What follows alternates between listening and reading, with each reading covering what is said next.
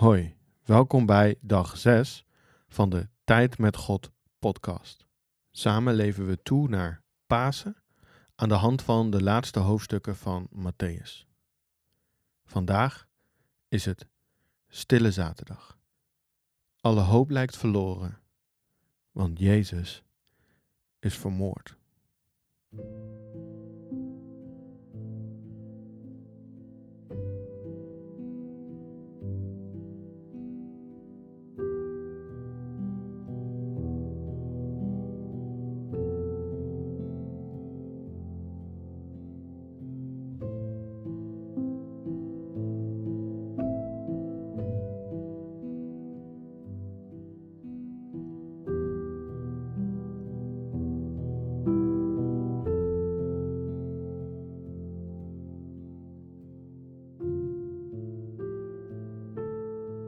Heere God, we komen bij u en zijn misschien zelfs wel wat vertwijfeld.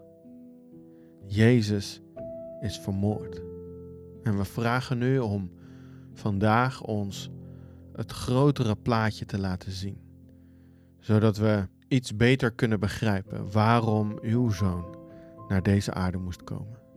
Amen.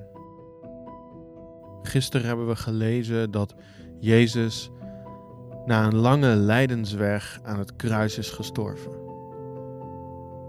En vandaag lezen we in Matthäus 27, vers 57 tot en met 66, hoe Jezus begraven wordt. Toen het avond was geworden, kwam er een man bij Pilatus. Hij was een leerling van Jezus en heette Jozef. Hij was een rijk man uit Arimathea. Hij vroeg aan Pilatus of hij Jezus mocht begraven. Toen gaf Pilatus het bevel dat ze Jezus' lichaam aan deze Jozef moesten meegeven. Jozef nam het lichaam en wikkelde het in linnen doeken. Hij had voor zichzelf een nieuw graf in de rotsen laten uithakken en daar legde hij Jezus in. Daarna rolde hij een grote steen voor de ingang van het graf en vertrok. Maria Magdalena en de andere Maria gingen tegenover het graf zitten.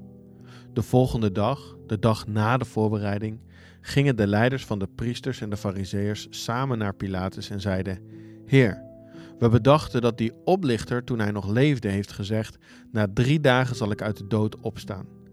Wilt u daarom alstublieft het graf tot de derde dag laten bewaken? Anders komen zijn leerlingen hem nog stelen. En dan zeggen ze tegen de mensen dat hij uit de dood is opgestaan. Dat zou alles nog erger maken dan eerst. Pilatus zei tegen hen: Hier hebben jullie een paar soldaten. Ga en doe wat jullie willen. Ze gingen weg, verzegelden de steen en zetten de soldaten op wacht bij het graf.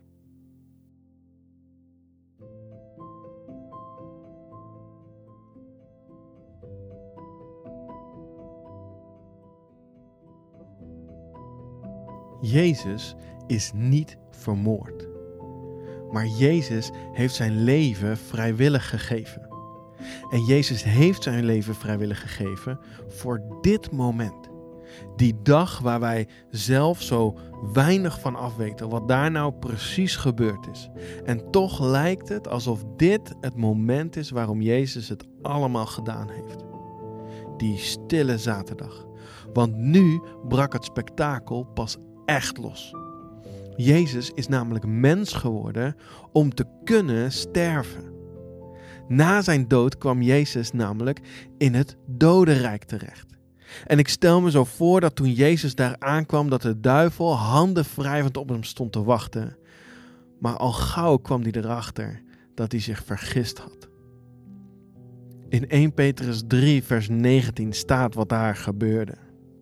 Zijn lichaam werd gedood, maar zijn geest werd levend gemaakt. Zo ging hij het goede nieuws vertellen aan de geesten die in het dodenrijk in de gevangenis zaten. Jezus is naar het dodenrijk gegaan om daar aan de geesten die daar zaten het goede nieuws te vertellen. Wat was het goede nieuws? Jezus heeft de zonde gedragen. Jezus is naar het dodenrijk gegaan om daar de echte strijd te leveren. Hij kwam binnen, hij gooide alle zonden die hij met zich meegedragen had in de hoek en ging de strijd met Satan aan. En de strijd die ging om de sleutels van de dood en het dodenrijk.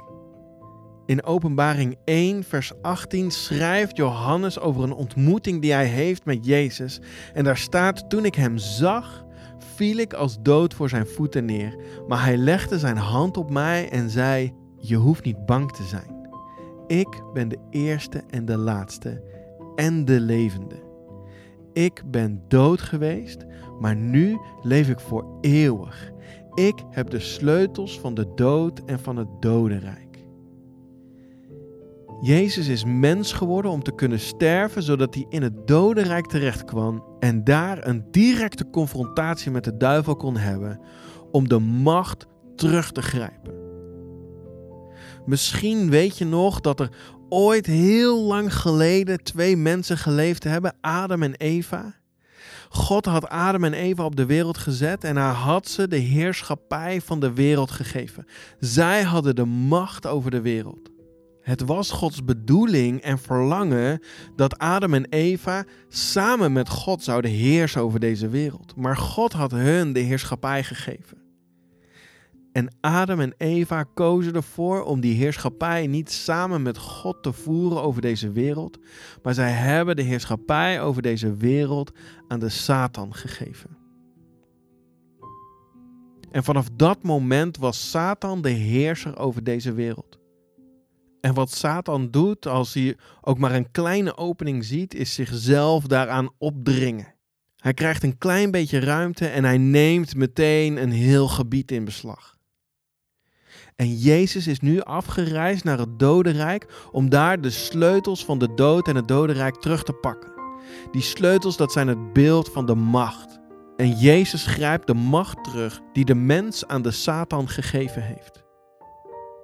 En het mooie van Jezus is, nu Hij de macht heeft teruggegrepen, dringt Hij zich niet op aan ons, maar nodigt Hij ons uit om onder Zijn koningschap te komen, onder Zijn leiding. En Hij neemt alleen maar de ruimte in die wij Hem actief geven.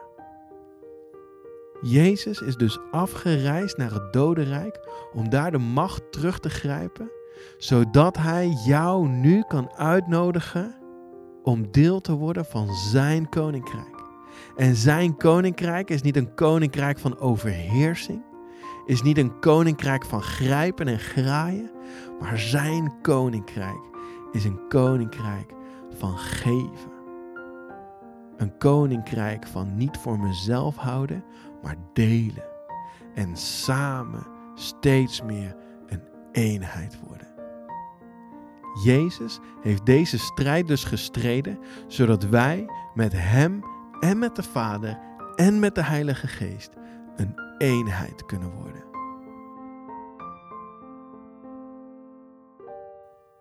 Heere Jezus, wat een wonder. Wat een wonder dat U als God mens geworden bent, dat in de eerste plaats. En vervolgens dat U door de dood heen gegaan bent om in het dodenrijk terecht te komen en daar de directe confrontatie met uw tegenstander op te zoeken. Om de macht terug te grijpen die wij als mensen aan de Satan gegeven hebben. En Heer Jezus, we willen u vragen om ons te helpen groeien in vertrouwen, zodat we iedere dag een klein beetje meer ruimte kunnen geven aan u.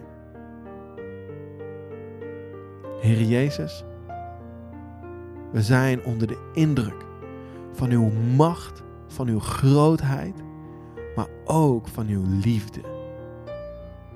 En daarom zeggen wij, Heer Jezus, we houden van u. Amen. Wat zou je zelf graag nog tegen Jezus willen zeggen?